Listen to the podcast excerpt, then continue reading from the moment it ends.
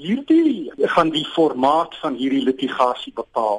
As die klas goedgekeur word, dan is daar een aksie namens 100 000 voormalige goudmynwerkers wat nou die eiser sal wees in daai saak.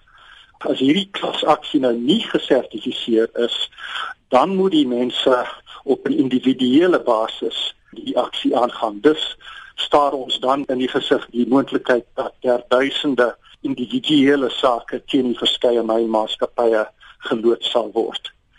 Vir die eisers is dit nadelig in die sin dat die ouens met die beste sake en wat toegang het tot prokureurs, hulle sal voor in die tou staan. Die mense wat nou in die uh, die landelike gebiede bly soos in Mosambiek of uh, in die berge van Lesotho of in die Oos-Kaap, hulle gaan agter in die tou staan en hulle sal dus benadeel word.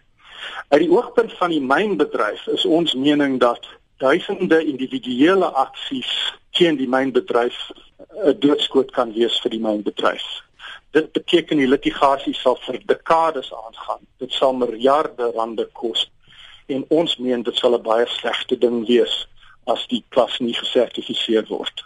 Baie van hierdie mense is reeds dood. Ja, die probleem is al 100 jaar oud. Die klas gaan terug tot so 1965. Die statistiek dui aan dat daar so 4% van hierdie voormalige goudmynwerkers met silikose elke jaar sterf.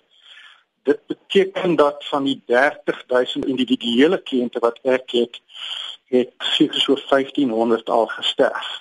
Ons glo daar is omtrent 100000 voormalige goudmynwerkers. Beteken dit daar is so 4000 wat elke jaar sterf. Die mynbedryf is besig met twee dinge.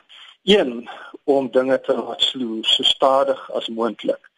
Meer mense gaan dood, maar net so belangrik, dit gee die bedryf tyd om te herstruktureer om van hulle laste ontslae te raak. Daai herstrukturering van die goudmynbedryf gaan al sedert die laat 90 jare aan.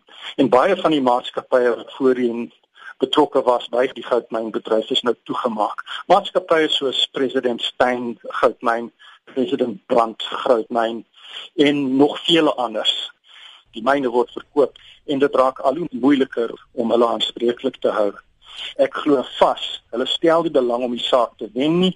Ek dink hulle doen die ding bloot om tyd te wen want dit bevoordeel hulle en dit benadeel die werkers.